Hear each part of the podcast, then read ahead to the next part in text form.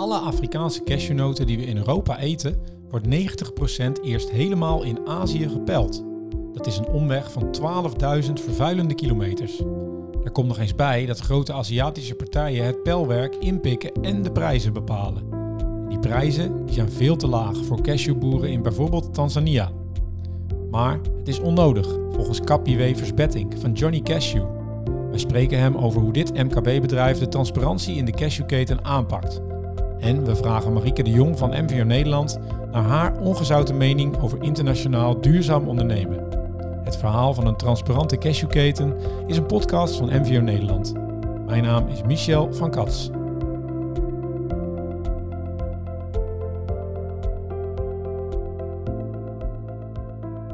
Hartelijk welkom. Aflevering 3 alweer van uh, Het Verhaal van. Vandaag gaan we het hebben over uh, cashewnoten.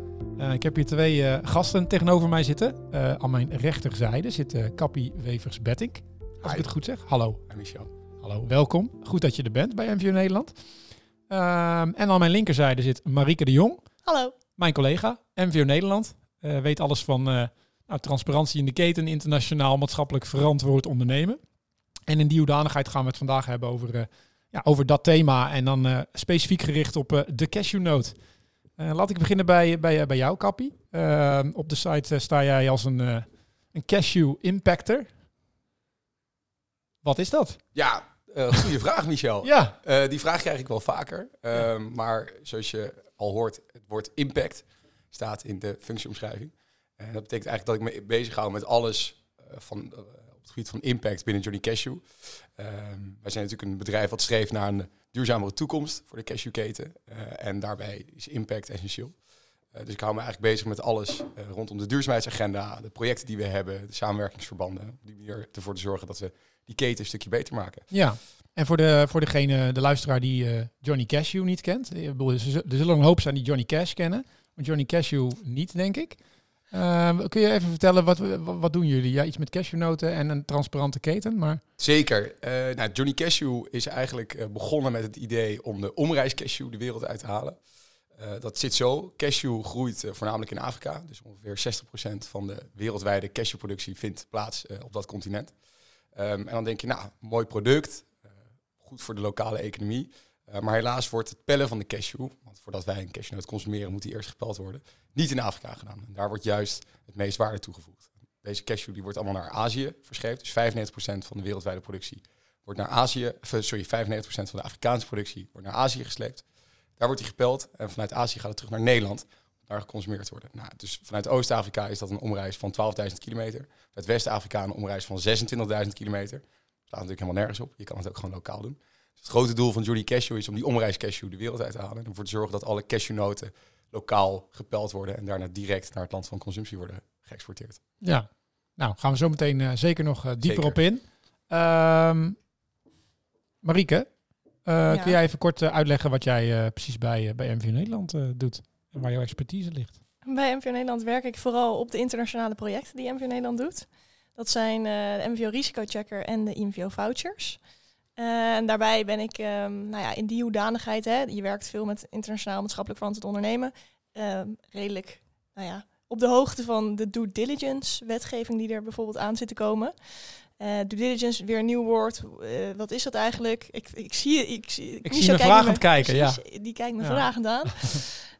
due diligence betekent letterlijk gepaste zorgvuldigheid. En het houdt eigenlijk gewoon in dat bedrijven weten waar hun spullen eigenlijk die ze, of hun materialen die ze uh, uit andere landen halen. Want um, spoiler alert, vrij weinig grondstoffen komen uit Nederland. Wij kunnen wel heel goed verkopen vaak, maar het komt niet hier vandaan. Um, nou ja, dat bedrijven weten waar hun spullen vandaan komen en dat ze daar geen uh, um, kwaad doen eigenlijk aan de mensen en, en het milieu in andere landen. Ja, precies. En die wetgeving komt eraan en je bent eigenlijk bezig om ervoor te zorgen dat er nou ja, zoveel mogelijk bedrijven dat A weten en B daar ook naar gaan handelen. Exact. Nou, ja. goede samenvatting denk ik, even voor nu. Um, Kappie, even terug naar jou. Uh, cashewnoten. Hoe, uh, hoe ben jij zo in de, in de cashewwereld uh, terechtgekomen? Dat is een goede vraag. Ja. die krijg ik vaker. Um, verhaal van de cashewnoot wist ik eigenlijk ook nog niet. maar ik was nog aan het studeren, aan het afstuderen. Eh, en toen moest ik een opdracht doen voor een cashewbedrijf. Ja. Johnny Cashew. En dat beviel eigenlijk eh, onwijs goed eh, van beide kanten. Dus daarna ben ik altijd blijven pakken in de cashewwereld. Eh dat heeft er eigenlijk mee te maken dat het verhaal me heel erg intrigeerde. Eh, en ik heel erg het gevoel had dat op deze manier ik een steentje kon bijdragen aan het veranderen van een keten. Mhm. Eh, en daarmee ook eh nou, enorme impact kan maken voor iedereen die daar op dit moment bij betrokken is. ja. Eh, met als groter doel dus om die eh, cashew-industrie een klein beetje te veranderen. Oh ja. En inmiddels ben je een groot cashew-fan?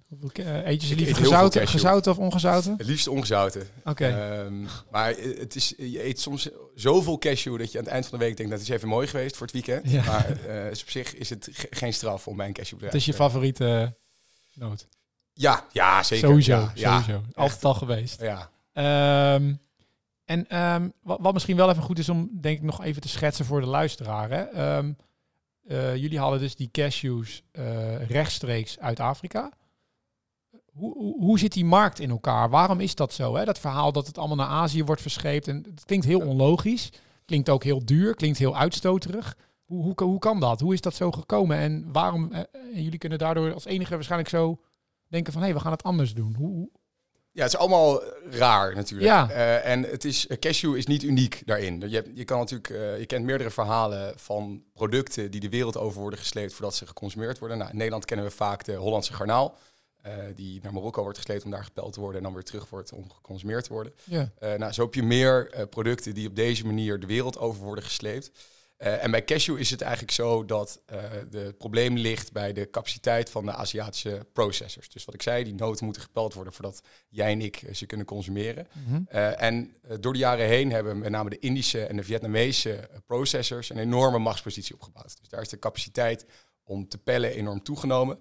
Ehm, alleen ze hebben zelf niet genoeg productie om aan die capaciteit te voldoen. Nee. Nou, wat doe je dan? Dan vul je dat dus aan met productie van een ander gebied. Nou, in dit geval Afrika. Afrika is al jaren de grootste producent. Dus het is een makkelijke partij om het vandaan te slepen. En eigenlijk omdat de zakken diep zijn eh, bij deze Aziatische processors, kunnen ze de markt heel erg domineren. We noemen het altijd Big Cashew. Eh, Net zoals Big Choco Mhm. en andere grote eh, partijen die één markt domineren. En deze Big Cashew partijen die hebben eigenlijk de markt in handen en zorgen ervoor dat al het Afrikaanse, alle Afrikaanse rauwe cashewnoten naar Azië worden gesleept. Ja. Ehm, ja, en het veranderen klinkt heel makkelijk, eh, maar valt eigenlijk best wel tegen. Ja. Eh, en dat heeft ermee te maken dat de infrastructuur een stuk minder eh, aanwezig is in, in Afrika. Wij werken zelf in Tanzania. Nou, de lokale processing-industrie daar is best wel klein. Heeft veel kapitaal nodig om weer echt up and running te, te worden. Kennis is ook een probleem. Veel van de kennis op het gebied van processen zit eigenlijk in Azië inmiddels, omdat daar alle machines zijn ontwikkeld. Innovatie heeft daar vooral plaatsgevonden. Ehm, en die combinatie maakt het best wel moeilijk om die processing-industrie weer terug naar, naar het land van productie eh, te brengen. Ja. Ja. Dus, dus eh, en jullie zijn nu de enige waar die. eh, Jullie zijn daarmee begonnen om dat eigenlijk anders te doen. Ja, En kun je eens voorstellen, waar loop je dan eigenlijk tegenaan? Hè? Wat zijn dan dingen? Ja, nou, eh, dat is Ik kan me voorstellen dat dat een hele hoop is. namelijk. Zeker, zeker. Ja, het is echt. nou, dus we zijn ruim twee jaar geleden begonnen en het heeft dik een jaar geduurd voordat we een cashewnoot uit Tanzania hebben kunnen wegslepen. Hmm. Nou, dat geeft wel aan, denk ik, eh, hoe moeilijk het is om zo'n keten op gang te brengen. Eh, en want je wilt namelijk natuurlijk helemaal goed doen van eh, de boer tot aan de consument. Dus dat Ja. betekent dat je eigenlijk moet beginnen bij, nou, hoe gaat die keten eruit zien? Met wie gaan we samenwerken? Wie komt er helemaal onderaan te staan? Nou, dus dat begint ermee dat je met een boerencoöperatie gaat samenwerken. Nou, daar kwam eigenlijk al de eerste uitdaging naar boven. Want boerencoöperaties heb je niet echt zoals nou, wij ze kennen, volgens het traditionele eh, begrip van een boerencoöperatie. Dus ze zijn vaak een beetje los. En dan heb je een soort supercoöperaties die niet per se het beste voor hebben met de boer. Dus eigenlijk weer een soort middenmodel. Dus wel boeren die zich verenigen, maar niet een soort supercoöperatie. Wat een soort log Ja. eh, bureaucratisch apparaat is geworden waar de bestuurders vooral heel veel geld bij zichzelf eh, houden. Ehm, dus nou, samen met onze partners in Tanzania, genaamd Mama Cashew, zijn we druk bezig geweest met het zoeken naar een boerencoöperatie. Nou, dat was stap één. Nou, het organiseren daarvan, het benadrukken dat het allemaal goed gaat, dat wij hopen dat we op die manier die keten een beetje beter kunnen maken. Eh, daar zaten natuurlijk uh, vijf voeten in de aarde al. Nou, ja. dan heb je in ieder geval de rauwe cashewnoot. Eh dus dan heb je stap 1 is dan gelukt. Maar stap 2 is natuurlijk iets je pelt. Nou, zoals ik net al aangaf, de processing-industrie eh, in Afrika is wat onderontwikkeld. Nou, daar heb je kapitaal en kennis voor nodig om dat van de grond te krijgen. Eh, en we hadden natuurlijk partners nodig. Want uiteindelijk, wij hebben daar zelf eh, geen fabriek staan. We werken samen met een partij, genaamd Mama Cashew. Dus de zoektocht naar Mama Cashew was ook een grote uitdaging. Uh, maar ook voor hun om die processing facility, uh, belfabriek neer te zetten. mensen die ze daarvoor nodig hebben, kennis die ze nodig hebben om dat, die fabriek draaiende te houden. Ja. Kapitaal om die noten in te komen. Allemaal dingen die erbij kwamen kijken om die keten van de grond te krijgen. Ja. Nou goed, ook dat is gelukt uiteindelijk. Dus toen hadden we cashewnoten, toen hadden we een pelfabriek. Um, en op dat moment loopt die keten eigenlijk een beetje. En konden we ons bezig gaan houden met nou, eigenlijk de problemen aan onze kant. Uh, hoe zorg je ervoor dat het in de winkel komt? Want dat Ja. is natuurlijk ook nog een probleem. Ja, Hoe zorg je ervoor dat mensen uh, het verhaal kennen? Dat een consument weet dat een cashew de hele wereld over reist. Dat hij weet dat er voor boeren het eigenlijk best wel zwaar is op dit moment in de cashew-industrie. Dus nou, dat was dan voor ons weer een probleem. Hoe zorg je ervoor dat je het aan de man krijgt en Ja. het verhaal over de bühne? daar gaan we het zo over hebben. Want inmiddels liggen jullie bij de Lidl. Eh ben Zeker. heel benieuwd hoe dat gekomen is. Ja. Eh, ik wil heel even naar Marieke toe. Eh, jij zegt al van het is heel belangrijk om dat verhaal uit te leggen. Ik kan me voorstellen dat dat een hele belangrijk, eigenlijk dat is eigenlijk een heel belangrijk onderdeel bij een, het verduurzamen van je keten of het, transparanter maken van je keten. Ehm, kun je, kun je, wat, wat is jouw ervaring met de ondernemers die jij hè, in je werk spreekt daarover? Waarom is dit een belangrijk thema eigenlijk? En waarom is dat zo moeilijk om dat voor elkaar te krijgen? Het communiceren over dit soort... Nou, bijvoorbeeld, kijk, ik kan me voorstellen, kijk, wat je natuurlijk heel snel ziet, en ik, ik stel, ik, ik ben even advocaat van duivel, ik sta in een, in een supermarkt en ik zie, eh, ik sta bij de noten of ik sta bij de koffie. Ja, daar staan allemaal vaak, steeds vaker verhalen op van, oh ja, er komt, is duurzaam geteeld, of het komt daar vandaan, of is dat een een of ander keurmerk op. En in, in, de snelheid denk je, nou, het zal wel goed zijn, je gooit het in je wagentje en neemt het mee. Ja, Maar dat is natuurlijk niet altijd zo, want ik kan me ook wel voorstellen dat er ook een hoop, ja, misschien, ik wil bijna greenwashing zeggen, plaatsvindt. nou, ik wil eigenlijk misschien nog even een stap terug. Want ik zit hier naar te luisteren, naar dit hele cashew, deze hele cashewketen. Ja, ik wist het niet. Nee. Dat er, weet je wel, zoveel bij één noot komt kijken die ik lachend koop, weet je wel, in het Mhm. weekend. En dan denk oh nou, lekker cashewnoten, weet je wel. Zonder te weten waar echt, welke stappen er eigenlijk aan, voorbij, Ja. aan vooraf gaan. Ja. En eh, moet je even voorstellen, in een supermarkt is het met, denk ik, echt honderden producten als je er even stil bij gaat staan. Dus eh, daarvoor, hè, de- er is een schat aan kennis eigenlijk die je als consument zou moeten weten, blijkbaar. Als in, daar ben ik natuurlijk hartstikke voorstander Ja. van. Maar dat kan gewoon niet altijd. Nee. Dus ik heb zeker niet het, het antwoord hè, van, nou, zo pak je het aan. Maar daarom is het dus wel belangrijk om soms te kijken naar eh, bepaalde schappen inderdaad met keurmerken. Omdat je dan al even kan lezen, oh joh, wat is dit dan voor keurmerk? Wat doet dat dan? Wat zegt dat dan? Nogmaals, ik zeg niet dat een keurmerk de heilige graal is. Maar het laat je wel iets meer zien van, oké, nou hier schijnbaar zijn dus wat dingetjes gaande. Of, Mhm. hè, want er moet iets op eh, gedifferentieerd op worden. Het moet iets anders. Ehm, nou ja, dan is het eigenlijk het beste als consument om jezelf eens een keer in te gaan lezen over Ja. dit soort onderwerpen. En en nu hebben we het over consumenten, maar zouden, zouden bedrijven, ondernemers dit zelf ook wel weten van de spullen die ze nodig hebben om hun eigen, tot hun eigen Ik denk op zich natuurlijk, hè, eh, bedrijven van hun eigen producten. Hè. Johnny Cashew weet alles over de cashewketen. En zo denk ik ook wel dat andere bedrijven werken. Maar van die grote bedrijven vaak, die heel veel producten hebben. Ik wil ze niet allemaal over een kam scheren. Maar ja, dan is het wel lastig om dit allemaal bij te houden. En Ja. precies te weten met wie je samenwerkt. Waar het vandaan komt, hoe die keten loopt. Is dat logisch, ja of nee? Eh, dat is heel lastig. En Ja. daarom is het wel heel belangrijk dat we daar wat meer aandacht aan besteden. En dat bedrijven daar op zich wel eh, verantwoording over gaan, eh, gaan afleggen. Ja, ja. Ja.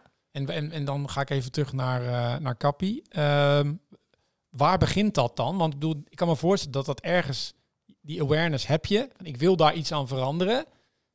Maar dan moet je daar wel actie op ondernemen. Wa- waarom is het jullie gelukt en bijvoorbeeld een andere grote cashewnotenleverancier niet? Wat, Ja, wat dat is daar een kritische succesfactor in? Nou, het is natuurlijk een combinatie van dingen. Je hebt altijd een beetje geluk nodig. Eh, wij hebben onwijs veel geluk gehad met eh, onze partners, wat ik al zei. Mama Cashew, die gewoon veel kennis hadden van de Tanzaniaanse cashewmarkt en ons daar heel erg eh, wegwijs hebben Mhm. gemaakt. Eh, verder is het natuurlijk een bepaalde mate van gedrevenheid. Eh, dus nou, je moet het echt willen. Ja, Wij zijn echt boos over die cashew-industrie. heel en dan goed. zorgt het ook voor een bepaalde gedrevenheid. Ja, Eh, dus dat maakt heel erg uit. En ik denk dus ook, er moet een soort katalysator zijn die die markt of die veranderingen in gang zet. Nou, je noemde net Lidl al even. Dus wij werken samen met Lidl op het Way to Go label. Dus dat is eigenlijk de duurzame cashew tak eh, van Lidl. Mhm. Waar wij de noten voor leveren. En Lidl heeft gewoon gezegd, nou, we gaan dat met jullie doen. Ja, en dat is wel eh, iets wat je nodig hebt om die ketenverandering in gang te zetten. Want dat Ja. betekent dat een partij aan de bovenkant zegt, oké, we gaan het met jullie doen. en waarom heeft Lidl het gedaan? Omdat Lidl heel erg gelooft in het veranderen van dit soort ketens. Eh, dus ze hebben dit bijvoorbeeld ook met chocola gedaan. Way to go chocola heb je, eh, dat ligt ook bij hun in de schappen. Ehm, en ze geloven gewoon heel erg dat dat een manier is om ketenverandering in gang Ja. te zetten. En je verwacht het misschien niet bij Lidl. Mensen, dat nou ja, ik heel en ik- erg. nee, ja. dat is heel interessant. Want kijk, Lidl, ik denk dat het gros van de consumenten zal denken, Lidl dat is gewoon goedkoop. Ja. En eh, ja, dan boet het waarschijnlijk ook in Ja. op duurzaamheid slash kwaliteit. ja, en dus niks is minder waar eigenlijk. Want Nee. eh, als je kijkt naar ook duurzaamheidslijstjes van, eh, voor grote retailers, zie je altijd dat Lidl onwijs goed scoort. Ehm, en eigenlijk duurzaamheid gewoon heel erg hoog in het vaandel heeft staan. Dus dat maakt ook uiteindelijk uit om echt met zo'n grootschalige verandering aan de slag. Hoe is dat gegaan? Gewoon even... Ja, gewoon, eh, dat is eh, een, een traject waar nou, vele maanden eh, in zitten. En dan uiteindelijk kom je elkaar eh, ergens in het midden tegen. En Ja. dan ga je aan de slag. Want het alternatief is natuurlijk de, de bakfietsroute, zoals wij dat altijd gekscherend eh Ja. noemen. Eh, en dan ga je dus van start, maar heb je niet echt een grote afzet. Dus ben je vooral bij kleine buurtsupers, wereldwinkels, nou, ja, op kleinere schaal aan het opereren, waardoor nou, je impact is een stuk kleiner. Want Mhm. het volume wat je nou, direct uit Tanzania in ons geval haalt, is lager. Eh, de boeren met wie je samenwerkt is lager. Ja. Eh, die fabriek kan je niet op zo'n schaal eh, laten opereren. Ehm, en op het moment dat je die slag naar een grotere schaal maken, is best moeilijk. Dus dan moet je nou, ergens bij een grote retailer binnenkomen. En ben je dus best wel lang aan het aankabbelen. Ja. Terwijl op het moment dat je dus de Lidl-route, zoals wij hem hebben gelopen, loopt, nou, dan kan je in één keer een veel grotere schaal pakken en veel grotere impact maken. ja, en wanneer was dit dat jullie de, met Lidl gingen samenwerken? En wat heeft dat veranderd in jullie organisatie? Ja, dus s- liggen nu sinds eh, eind februari 2022 eh, bij Lidl in de schappen. Eh, Mhm. ja, en het, wat heeft het veranderd? Is gewoon de schaal is eh, compleet anders. Ja. Want in plaats van dat je, nou ja, eh, paar honderd kilo hier, een paar honderd kilo daar wegzet, ben je in één keer over echt grote volumes aan het praten. Ja, en wat, wat, wat, eh, wat, wat zie je daarvan terug nu bijvoorbeeld al in Tanzania? Ja, nou, ehm, dan ga ik even met nummers strooien. Ehm, maar het aantal boeren waarmee we samenwerken. Dus eh, nou, we zitten, de coöperatie waarmee we samenwerken, zit ongeveer 450 boeren in. Nou, er zitten natuurlijk ook nog allemaal families aan vast. Dus het aantal mensen waar je een directe impact op hebt. Doordat jij eh, die cashnote van hun afneemt voor een goede prijs. Wij streven naar het betalen van de Living Income Reference Price. Een hele ingewikkelde technische term. Maar Mhm. het komt eigenlijk op neer dat je een prijs betaalt die het leefbaar inkomen reflecteert. Ehm, nou, daar zijn we mee bezig om eh, die ook daadwerkelijk te betalen. Het onderzoek is nu gedaan, dus we weten waar we de uitdaging waarvoor we staan. Maar goed, dus eh, 450 boeren eh, met wie we kunnen samenwerken. Die fabriek waar ongeveer 500 mensen een baan hebben gekregen die er eerst niet was. Ja, Nou, dat was ook niet mogelijk geweest zonder die schaal en Nee, dat volume. precies.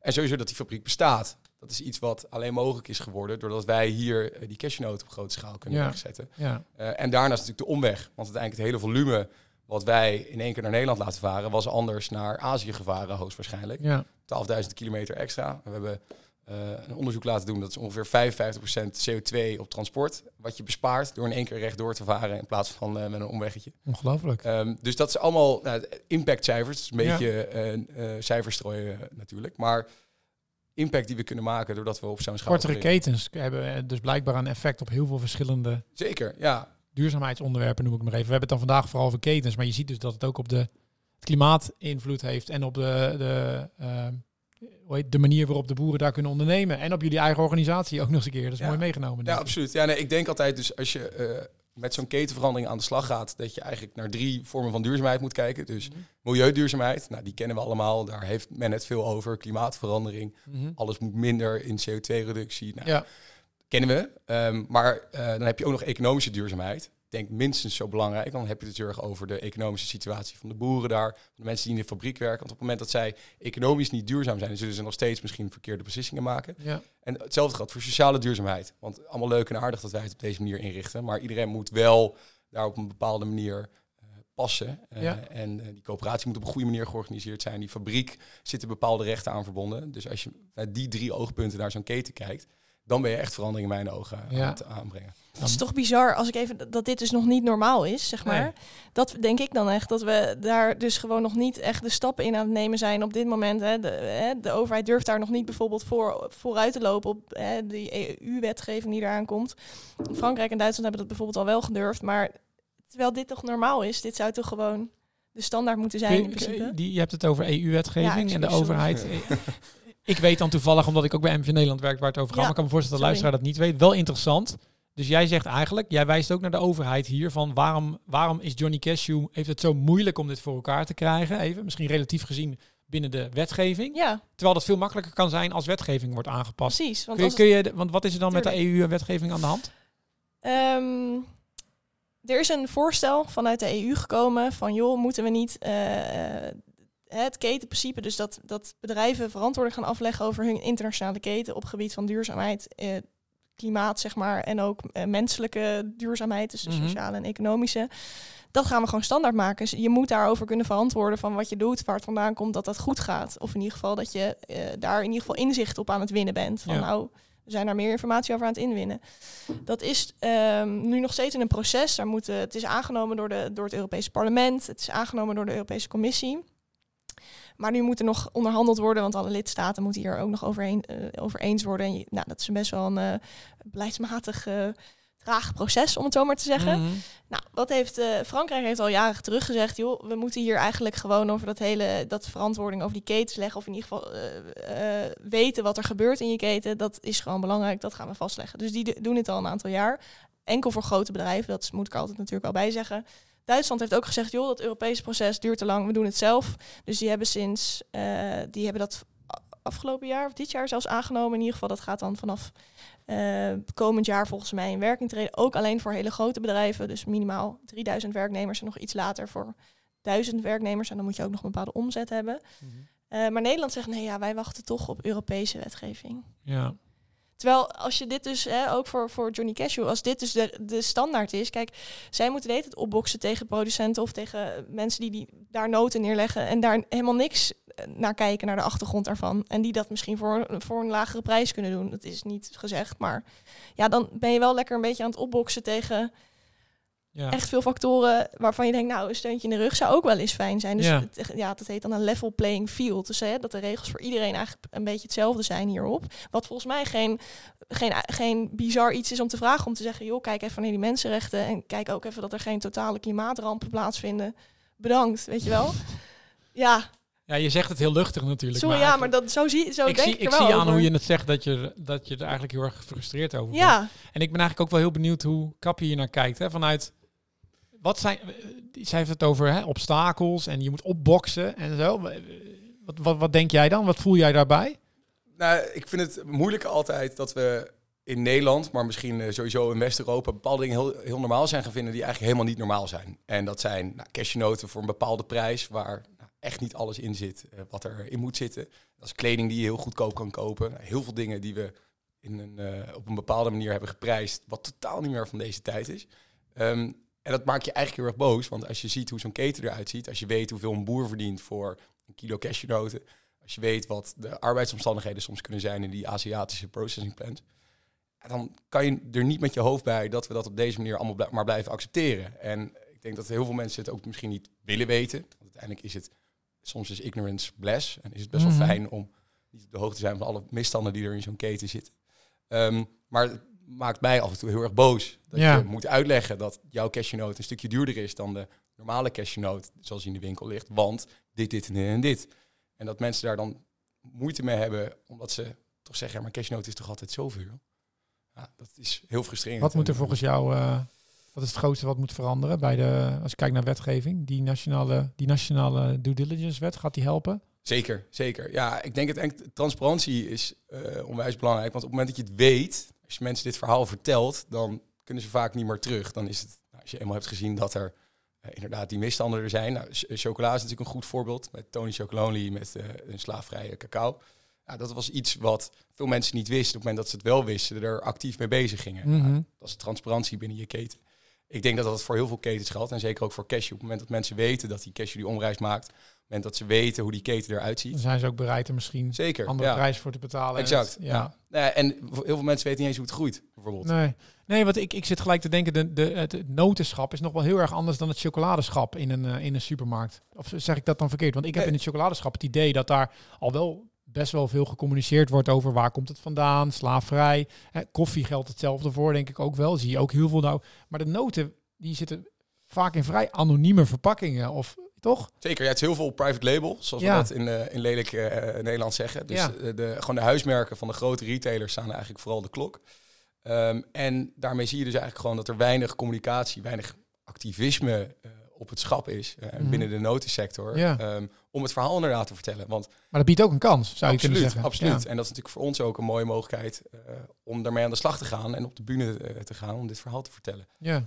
Ja. Want wat ik net al zei, ik denk als je mensen op straat vraagt hoe, of ze weten hoe een cashewnoot groeit. Weet jij het bijvoorbeeld? Nee, niet direct. Niet precies. Nee. Nee, nee, het groeit aan een boom en je hebt, daarboven hangt een mooie appel, een soort paprika-vormige appel. En daaronder hangt de rauwe cashewnoot en daarin zit één nootje daadwerkelijk. Dus ik raad iedereen aan om het even te googlen. Eh, want het is, als je weet hoe het groeit, is het echt fascinerend. En kan je niet voorstellen dat eh, nou, zo'n zak noten, dat daar zo'n product bij komt kijken. Oh. Eh, maar goed, dat is bijvoorbeeld dat is een heel makkelijk voorbeeld van hoe weinig kennis eh, er is binnen zo'n keten. Hè, en waarom transparantie denk ik... Er zit ook best wel veel handwerk in één noot, als ik het zo hoor. Er zit heel veel handwerk in één En dan is het ongelooflijk hoeveel, hoeveel bakjes en zakjes je overal Ja. ziet liggen. En zelfs Ja. ook bij eh, noten, de notenboer op de markt, noem ik maar even. Heerlijk, dat voor, het wat altijd voor bakken daar ligt. liggen. vind ik eigenlijk een godswonder als je het zo zegt. Ja, nee, want eh, dus de- als je bijvoorbeeld naar onze noot kijkt, die nou, een boom, dan, gaat die, eh, dan wordt die gedroogd eerst, een rauwe cashewnoot, zodat die de goede ehm, moisture content, eh, hoe noemen we dat? Vochtigheid. Ja, ja. ja. eh, krijgt. Dan gaat hij naar de fabriek, dan wordt hij eerst een soort van gestoomd, dan wordt het schilletje eraf gehaald, dan wordt hij kort gebakken, dan wordt het eh, andere schilletje er nog afgepild, dan gaat hij, wordt hij gegrade, dus je hebt allemaal verschillende cashew grades. Dan wordt hij verpakt, dan gaat hij naar Nederland en dan in Nederland gaan we roast, maar je hoort al echt heel veel stappen voordat hij überhaupt op Ja. dat schip Wow. in Nederland eh, gaat. Ja. En wij maar achteloos een handje noten pakken op eh, vrijdagavond. Op kringverjaardag. Precies, ja. Eh, heb je geen idee wat voor een reis die noot eigenlijk heeft gemaakt. Nee, Nee. nee. Ja. Maar er liggen dus heel veel kansen om dat verhaal dus veel beter te vertellen. Ik denk dat jullie daar een hele grote stap al in gezet hebben. Zeker, ja. Ja. ja. eh, en voor ons is ook echt belangrijk eh, om de Nederlandse consument te vertellen wat de cashewketen allemaal precies. behelst. Ja. Dus Want wij jullie- weten wel op de volgende kringverjaardag, Michel, wat wij moeten vertellen. bij Wij de gaan het over cashewnoten. hebben. Precies. Kun jij, kun jij een, hoe het verhaal vertellen? Hoe, wat, kun je daar iets... eh, stel, er er luistert nu een, eh, een ondernemer die ook bezig is met het, het transparanter maken van zijn keten. En die gaat ook eh, morgen eens een, een paar leveranciers bellen. Eens kijken, waar komt het eigenlijk vandaan, de spullen. Mhm. Ehm, kun, kun jij hem of haar iets, iets, iets zeggen over hoe kun je dat, hoe kun je dat verhaal dan, dan gaan vertellen? Want jullie doen het op best een ludieke manier. Hè?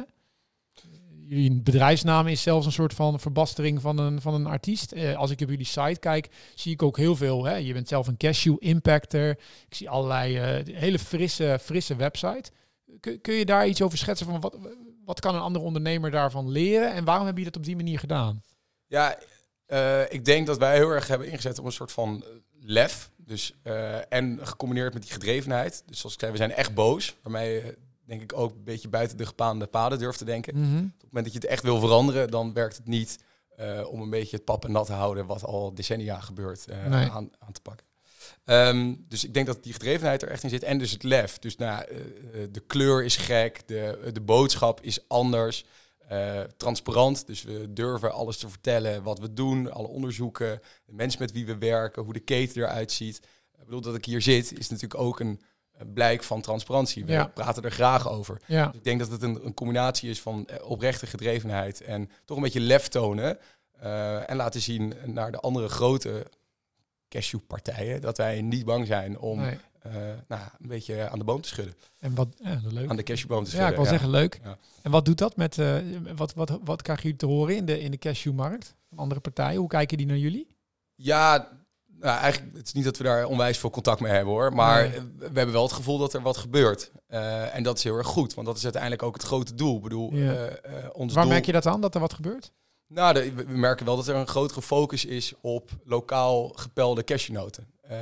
Dus nou, partijen die er kennis van hebben, die wisten natuurlijk al lang dat dit gebeurde, maar ook eh, mensen in de, in de retail, andere eh, partijen die meer op het verkoopgedeelte zitten, hebben ook steeds meer kennis van die cashewketen. Mhm. En dat merken we wel echt, eh, Ja. dat dat echt veranderd is sinds wij hiermee bezig zijn. Ja. Ehm, en natuurlijk ook, eh nou, Lidl was een grote partij. Op het moment dat Lidl zoiets onderarmt, dan wordt het ook breed gedragen eh, binnen zo'n verkoopwereld. Die zien ook wel wat er gebeurt. Ja.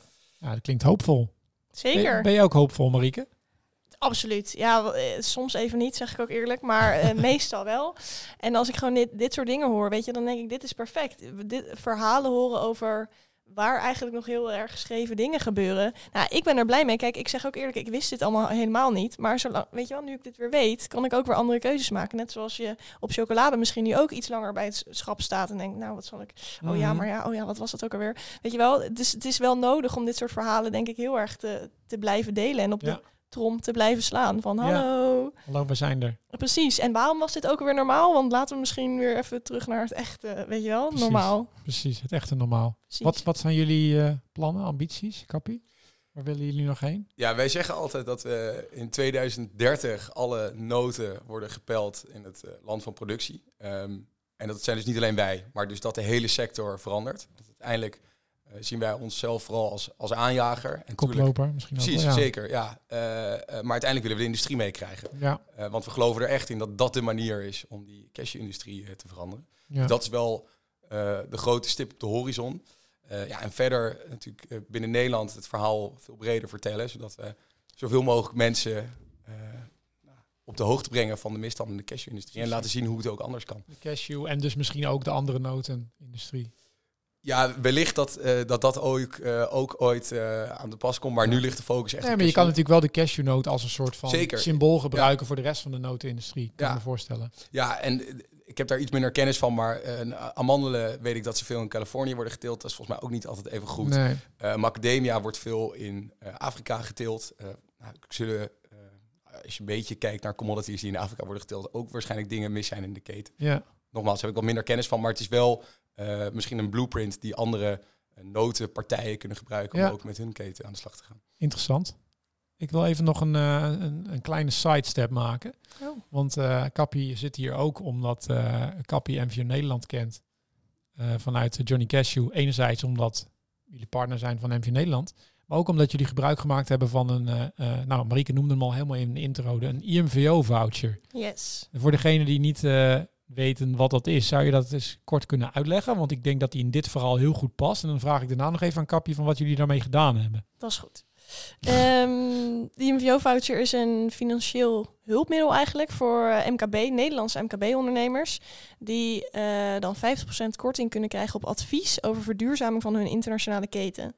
Dus eh, wat heel erg voor, eh, voortkomt uit het verhaal van Kappie. Kijk, je moet eerst een beetje inzicht krijgen in, in je keten. Dus je moet echt weten van, goh, waar, met wie werk ik? Wat zijn de omstandigheden daar? Hoe zit het milieutechnisch met de hele toestand? Ehm, en voor Nederlandse MKB-ondernemers is er dan vanuit het ministerie van Buitenlandse Zaken, die biedt dat aan, zeg maar, via ons, eh, om dan 50% korting te krijgen op een, op een eh, extern adviseur. Ja, Die je helpt bij dat vraagstuk die je, die je eventueel hebt. Ja precies. Dus dan, dat maakt het onderzoek eh, financieel interessanter om te doen. Ja. En daar kun je uiteindelijk weer op handelen. Ja. Jullie hebben die ook een keer eh, ingezet. Zeker. wat hebben jullie jaar- daarmee gedaan? Ja, we hebben eh, een consultant eh, ingehuurd in eh, Tanzania. Eh, en die heeft eh, met de coöperatie waarmee wij samenwerken een groot onderzoek gedaan. Ehm, allereerst op het gebied van uh, Fairtrade-certificering. Dus nou, daar is hij helemaal doorheen gelopen met hun met de vraag, willen jullie dat? En eh, nou, zo ja, dan gaan we ermee aan de slag.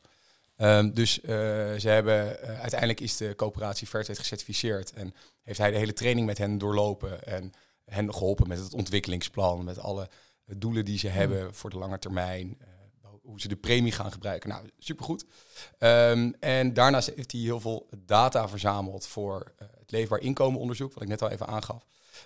En daarmee heeft hij een beeld gegeven van alles wat er eigenlijk in de coöperatie speelde. Mhm. En dat is super breed. Dus de, de productie, ehm, hoeveel, komt er, hoeveel kilo oogst komt er eigenlijk van een boom, eh, tot nou, wat produceren ze nog meer aan andere gewassen, eh, maar ook dingen als hoe groot is je familie? Voor hoeveel Ja. mensen moet jij geld verdienen als het ware? ja. Eh, heb je andere bronnen van inkomen? Nou, op die manier konden we daar een, mooie stap in dat onderzoek zetten. En hebben we dus uiteindelijk de leefbaar inkomen referentieprijs. En het is echt een verschrikkelijke term.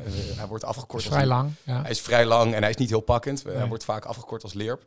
Eh, maar hebben we daar een mooie stap in kunnen zetten. Ja. Dus, eh, en dat was nou, eh, mede mogelijk gemaakt door de INVO-voucher. Wat Ja. super fijn was natuurlijk. ja, precies. Anders hadden jullie het misschien niet, niet, of in ieder geval niet zo grootschalig aan kunnen pakken. Nee, exact. Want het is een hele fijne, laagdrempelige manier om iets wat je eigenlijk heel graag wil doen, ook daadwerkelijk te doen. Want Ja. eh, 50% is echt een mooie smak geld die je op die manier kan krijgen. Ja. Om daadwerkelijk ook die verduurzaming in die keten in gang te zetten. Ja. Marieke, als er nou iemand luistert, zijn ze nog beschikbaar? Ze zijn nog beschikbaar laatste jaar dit jaar. Dus voor 31 oktober aanstaande kan je nog aanvragen. Oké. Doe het. Nee, want het eh, mooie is dat we dit jaar weer gebruiken. Dus we doen, eh, we Oh. eh, gaan nu met meer coöperaties samenwerken in Tanzania. Dus dezelfde consultants ingehuurd en die gaat precies dezelfde route lopen. Ehm, dus eigenlijk weer dezelfde Fairtrade certificeringen en uh, oh, dat is... collectie op het gebied van de leverinkomen referentieprijs, de leer. Uh, ja, supergoed. En Ja. dus uh, dat wil zo goed vorig jaar dat we het op deze manier weer kunnen doen. Hartstikke fijn. Ja. Klinkt Yes. goed. Ik denk dat dat een, eh, een, een mooie aanleiding kan zijn ook om eh, voor ondernemers die er misschien nog niet zo mee bezig zijn, om, om, om een eerste of een tweede Zeker. stap te zetten met zo'n met zo'n onderzoek, eh, wat gewoon in één keer financieel een stuk aantrekkelijker wordt. Precies. Ehm, ik wil langzaam een beetje naar de afronding gaan eigenlijk. Ehm, nou, stel, de, de, iemand zit hier te luisteren, die, eh, die, vindt, die is enthousiast over, eh, over de cashewnoot. Die denkt, ik moet ook eens even weten waar mijn spullen vandaan komen. Wat zou nou volgens jullie, en dan begin ik even bij Marieke, hetgeen zijn wat hij morgen kan doen? Wat zou je Vandaag. morgen... Vandaag. Ah, misschien wel vandaag, maar meestal ja.